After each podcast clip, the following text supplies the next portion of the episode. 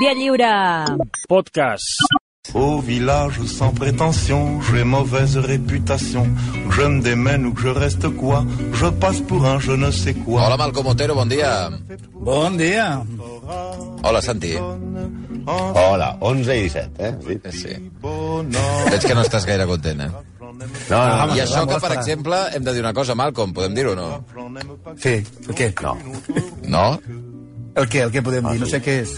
Bueno, Què és? sí. Que avui... Que tenim taula, ja, finalment. No. Eh, no, li has, no, li has, eh, no li has dit res, tu, Malcom, al Santi, o què? No. Ah, no? No, no, no. Vaja. Bueno, que m'han dit que felicitats, eh, Santi, que és el teu aniversari. M'encanta que em felicitin per la ràdio. Moltes gràcies a tots. Sí, sí. Bueno, i doncs, com que no li agrada, jo crec que hauríem de fer una campanya perquè els oients enviessin eh, tuits a Santi Jiménez o missatges als seus coneguts que no l'hagin felicitat, perquè efectivament és un, és un dia que li, li encanta, això. O regals. Sí, sí, o regals. Regals en, en tot això, ara, ara es tallarà tot, perquè començaran a enviar whatsapps i coses d'aquestes tu mateix, eh? No, no, no, no. no, no. això, anirà, això anirà pel pedregà. Bé, avui que sou... Eh, felicitats, eh, encara que, que no t'agrada. Gràcies. Um, eh, eh, malgrat tot, eh, torneu, torneu a ser a casa, Santi. Sí, sí, sí, tornem a... Com, com on estarem millor? I cadascú a la seva, eh? Sí, sí. Però bueno, perquè de fet tampoc hi ha molta diferència. Si no hi ha bars, doncs pues mira, et quedes a casa, no? També és igual. I a més a més, avui és Halloween, que és una cosa... Bueno, Halo, Halloween aquesta, que és, que és bastant espantosa, com diu el professor Abó. I volíem fer...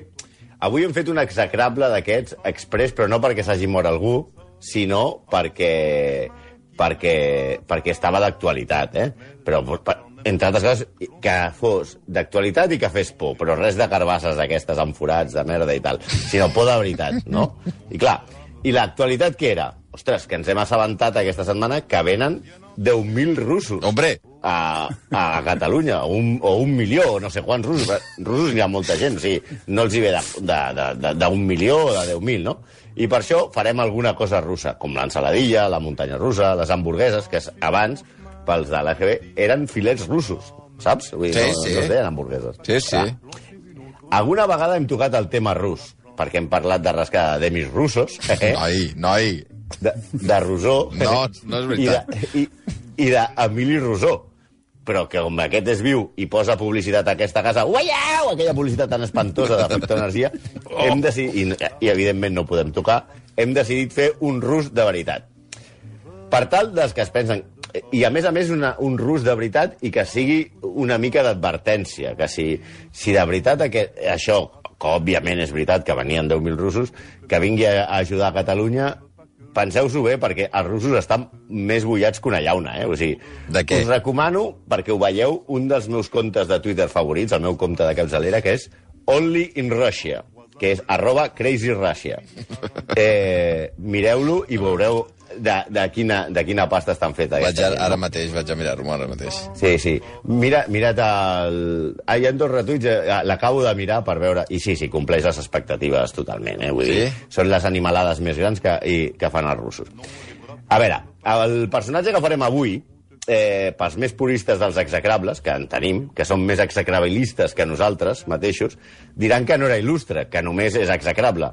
Però avui hem comptat amb l'ajuda d'un historiador de veritat i seriós, com Xavier Carmaniu, que és el que ens ha ajudat en aquesta, aquesta recerca. Així Home, salutacions. que tots a callar o, ca o queixar-se al Carmaniu. Sí, ja està. Sí, simplement la culpa és del Carmaniu per haver-se apuntat. Dir, però clar, sí, per què pot ser il·lustre? Hi ha un moviment que el vol fer sant eh, el personatge que farem avui, que és Ivan el Terrible. Uh -huh. eh, que si heu vist la foto que he penjat a Twitter, amb la cara paga, aquest senyor. Sí, evidentment, no li podien dir Ivan el buen tío, no, era Ivan el Terrible. I el volen fer sant amb aquella cara. Fer sant és com a l'Ondes per nosaltres, però pels cristians, que aquest any tampoc l'hem guanyat. I a més, està considerat Ivan el Terrible el pare de l'estat rus, va ser el primer tsar, aquest senyor que va reformar el codi legislatiu, va reformar l'exèrcit, va conquistar, conquerir Sibèria, que deu ser com conquerir el desert del Gobi o Marina d'Or, perquè no hi ha ningú, o sigui, tu dius, he conquistat Sibèria, doncs pues molt bé, si no hi ha ningú allà. Vaja, que ho va fer tot a Rússia. Però també era un tio colèric, despietat, injust, homòfob i sanguinari. Estava com una campana. I li agradava molt casar-se. I no, no és Mickey Rooney, que es va casar set cops tenint 12 anys tota la vida. Parlem d'Ivan IV de Rússia, Ivan Vasilevich, Ivan el temible per als russos. I Ivan el terrible per la resta del món.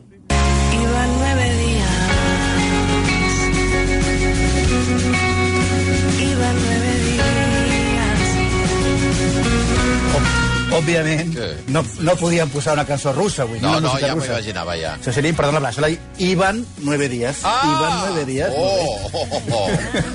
Que és, que és una cançó perfecta de Vanessa Martín, que per cert, a ella sí, eh? A ella sí li donen un ondes.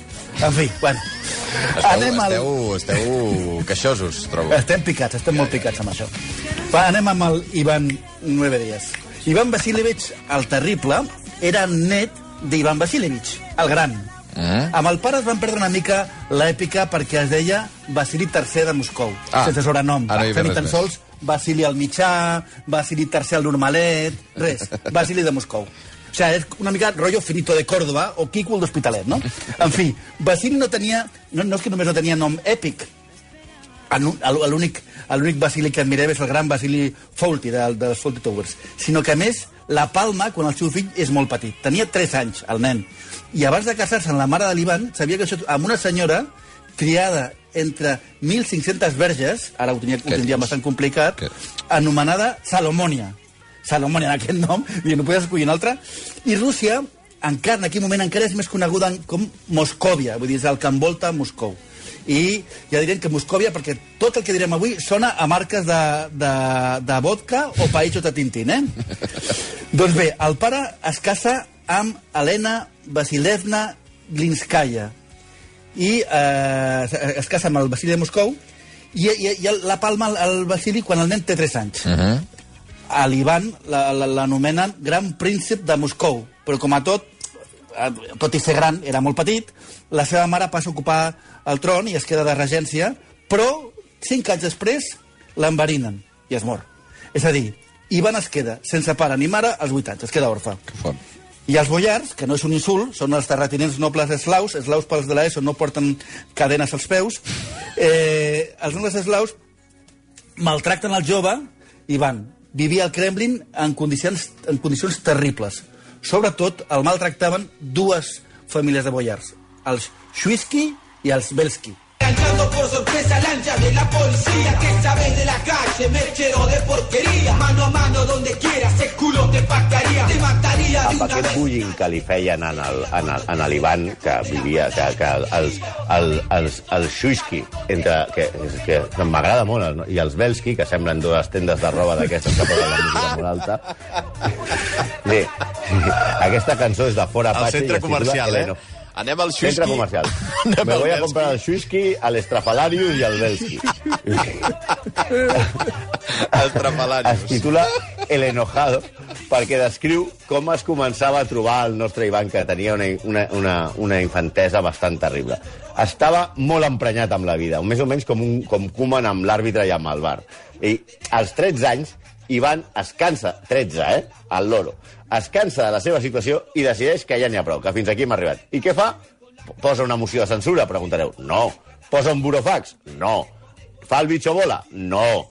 Li demana a uns sequassos que amb 13 anys que llencin el príncep Andrei Shuski, que deixi les tendes aquestes de vendre eh, sabates en plataforma, i el fot als gossos perquè se'l mengin. Hosti.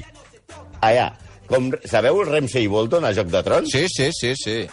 pues més, més o menys el nostre personatge Però- va bastant per aquí. Però amb 13, amb S'assemblaria 13 bastant a anys. aquest taradet. O sigui, se li inflen els Sí. nassos amb 13 i diu... Uh, senyors, els Sí, gossos. sí, sí, Xuisqui. Els Xuisqui. gossos. Sí, senyor. Comencem bé. Sí, però no penseu que era una bèstia ignorant, no. Era una bèstia, però instruïda i molt religiosa. Va tenir un mentor, un sacerdot anomenat Silvestre, per tant va ser un silvestrat que el va educar favor. i a més de dir-li que Déu havia disposat que ell liderés Rússia, i esclar, si ho ha decidit Déu, tu què faràs? Algunes fonts diuen que aquest mentor era el bisbe Macari, però nosaltres ens fiem de Xavier Carmeniu en això. El bisbe va tenir la seva influència política i va oficiar el primer matrimoni. I abans de fer els 17 anys, o sigui, com Ansu Fati, el fan sar de totes les Rússies. No, en Sofati en Ja- té 8, 18. no, però quan Ansu Fati quan comença Ah, sí, a jugar al 16. Barça en primera. i el casen amb Anastàcia Romanova. Però no de la pel·lícula, perquè estem parlant de 1547. No havia nascut ni Jordi Hurtado. Aquí el Malcolm ha comentat una cosa important. Ha dit primer matrimoni. I Sí. per què ha dit primer matrimoni? Perquè era la primera vegada que es va casar, òbviament. important. Però a més a més és que va casar-se vuit vegades Hosti. més. Vuit! Li agradaven molt les Maries. No les assignatures com música o gimnàstica o les galetes, sinó les dones que es deien Maria. Mira, es va casar amb Maria Terinkupnova, Maria Dolkouraya, Maria Nagaya, i després també li agradaven molt les Anes. Es va casar amb Anna Kolstovkaya, que ja hem dit que sona vodka, amb Anna Vasilskova i amb Anastàcia. es va casar també amb una altra dona es deia Marfa Sobakina. No és broma, es deia així, encara que no sabem si li cantava l'ala o no li cantava l'ala. La- Aquí viene la Sobakina. També va voler casar-se amb Isabel I d'Anglaterra i amb una altra noble anglesa que es deia com? També es deia Maria, Maria Hastings. Sí, també s'ha comentat que va fotre un príncep als gossos, però la veritat és que tractava els animals que ni Custó ni Félix Rodríguez de la Fuente. I no dic per donar-li als gossos príncep, prínceps per menjar en lloc del seu príncep, no sé, Royal Canin. Mm. És que una de les coses que demostren que les vexacions ho van deixar traumatitzat és que feia coses, diguem-ne, lletges. Lletges? Com tirar... Sí, lletges. Com tirar gossos des de les torres No, home, no. per veure com queien, patien, el soroll que feien, etc. Hosti. Sí, allò Això l'adolescent Ivan el Terrible. O sigui, agafava i... Vinga. Mira, vinga. Ah, vinga, saps allò que diuen calla. a totes les pel·lícules americanes quan hi ha un assassí en sèrie diu vostè torturava animalitos? Pues eh, aquest agafava, agafava els gossos i els tirava de la torre. Que bèstia. Però tot es complica eh, perquè als sis mesos de coronar-se Moscou pateix un incendi devastador. Les cases eren de fusta, fins i tot, direm, de fusta d'arbre, que crema més. I l'incendi va deixar sense llar a 80.000 persones i prop de 3.700 víctimes que van morir. La gent, evidentment, es va emprenyar i va començar a donar-li la culpa als seus oncles, que eren uns nobles que es deien Mikhail i Yuri Glinsky, que eren els germans de la seva mare. I què va fer Ivan? Pues es va posar al costat del poble. Va deixar que la multitud linxés i matés a Yuri i va bandejar, és a dir, va enviar a l'exili a Mikhail i la seva, i la seva mare. La, a la d'Ivan, s'entén? No a la seva. Just en aquesta època, un any després, perdó, l'Església ortodoxa se separa de la, Constant de la de Constantinople. I el mà màxim càrrec de la nova Església, és clar, és, és el tsar de Rússia.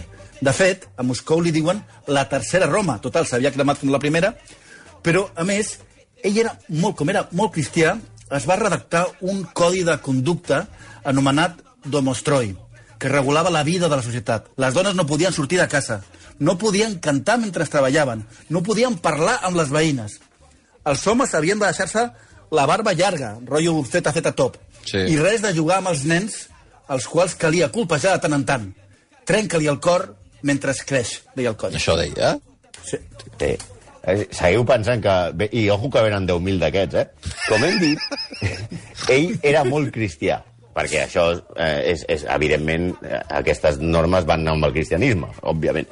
Tant que en la campanya per conquerir Kazan, a la batalla final, va preferir estar a missa que comandar les seves tropes. Després va agrair la victòria construint la catedral de Sant Bàsil, Folti, i un altre miracle quan ell va patir unes febres. I tothom el donava per mort. Aleshores, ell va començar les conspiracions. O sigui, imagineu, no?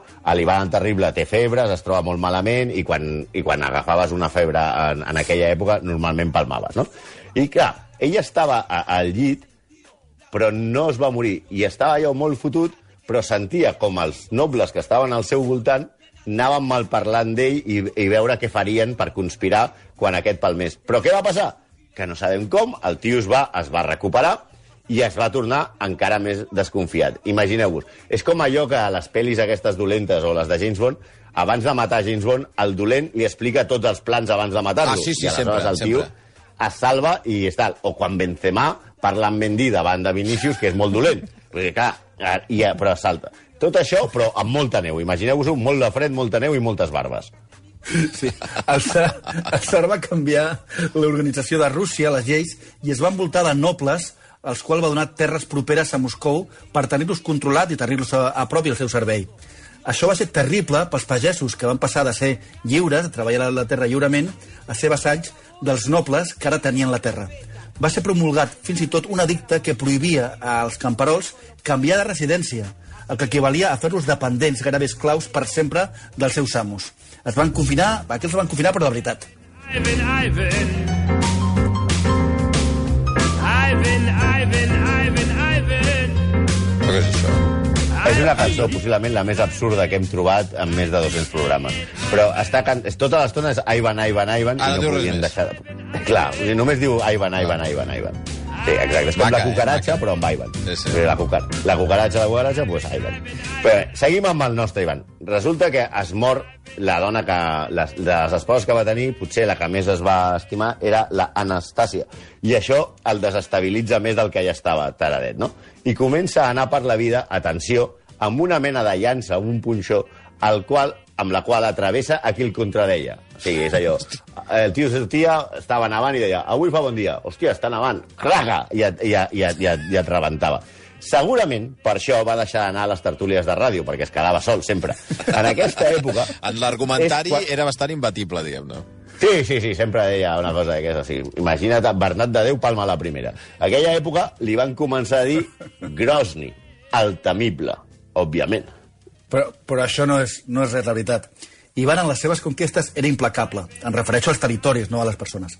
Es diu que a la seva invasió a Kazan no va deixar ningú en vida. Ningú. Hosti.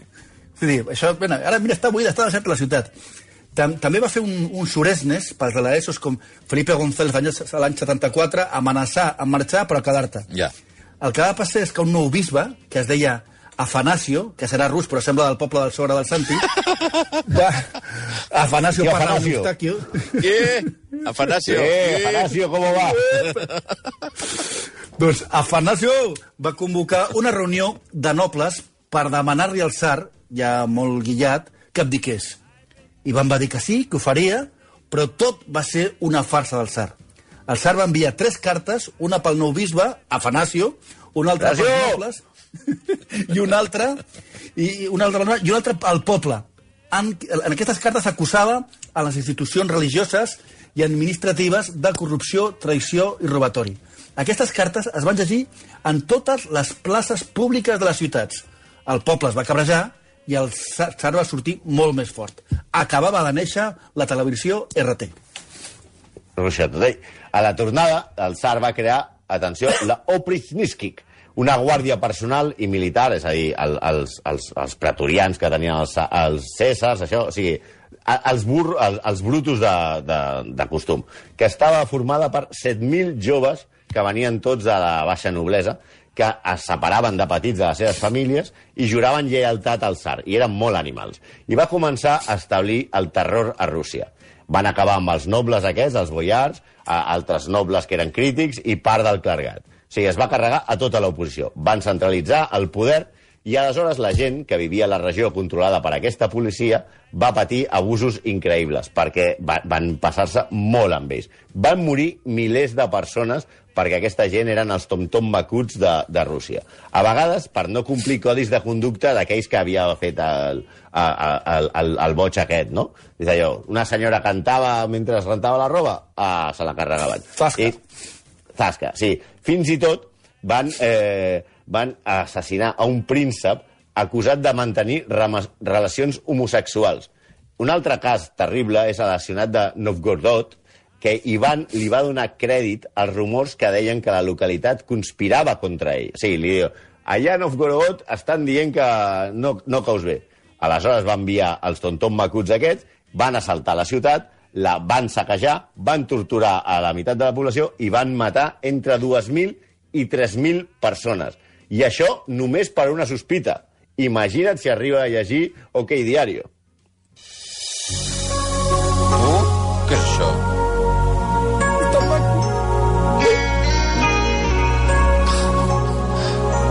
Això és impossible que estigui sonant als exagrables. Oh! Hijo mío, Eh?